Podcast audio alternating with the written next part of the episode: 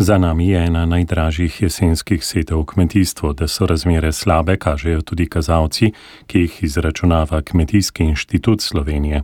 Faktorski dohodek, ki je nekako glavno merilo stanja v kmetijstvu, bo letos nižji za četrtino, je bilo slišati na včerajšnji novinarski konferenci Kmetijsko-gozdarske zbornice Slovenije. Leto, ki se izteka, si ga seveda kmetje ne bi nikoli več želeli, da se ponovi. Je uvodoma podaril Roman Žveklič, predsednik Kmetijsko-gozdarske zbornice Slovenije in pojasnil. Leto je bilo, se pravi, zaznamovano z pandemijo, s COVID-om, s spomladansko katastrofalno pozebo, potem se pravi tudi z slabimi ostalimi vremenskimi razmerami, bilo je tudi suša v tistem najbolj ključnem času, ko bi moralo žito dozoreti, potem so bila tudi neurja in seveda skozi vse leto izredno nizke odkupne cene. A kljub vsem težavam so tudi svetli trenutki, ki ulivajo upanje. Edino, kar, kar lahko s ponosom se ozremo nazaj na to lansko leto, je bilo odlično sodelovanje nevladnih kmetijskih organizacij z področja eh, kmetijstva, tako od podeželske mladine, sindikata kmetov, zadružne zveze, tudi zbornice kmetijskih in živilskih podjetij, se pravi izključno za našo kmetijsko-gozarsko zbornico.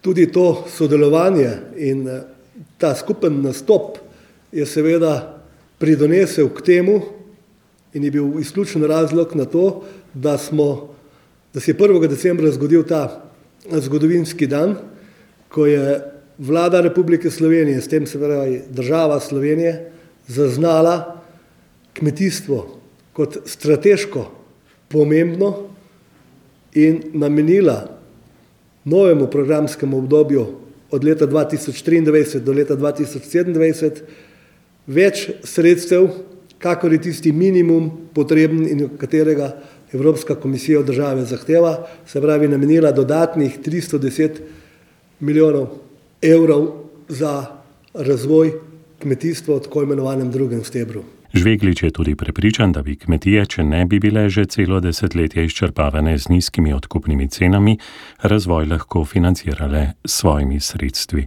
To je tudi pojasnil na primeru mlečnih kmetij. Te nizke odkupne cene, kot sem že prej povedal, slovenskim kmetom ne omogočajo razvoja, posodabljanja kmetij, prilagoditev slovenskih kmetij, dobrobiti živali in ostali, bom rekel, tudi digitalizaciji in tako naprej. Samo za primerjavo, v zadnjih desetih letih na sektorju mleka, če pogledamo povprečno odkupno ceno mleka v Sloveniji, količino odkupljenega mleka v Sloveniji in povprečno odkupno ceno v državah članice Evropske unije, ki je seveda zopet tam nekje na sredini, je slovenski mlečni sektor v desetih letih izgubil slabih 200 milijonov evrov. Pravi slabih 20 milijonov evrov na letni ravni, ki bi ga slovenske kmetije vložile v razvoj, v posodabljanje, če bi seveda ta sredstva imela.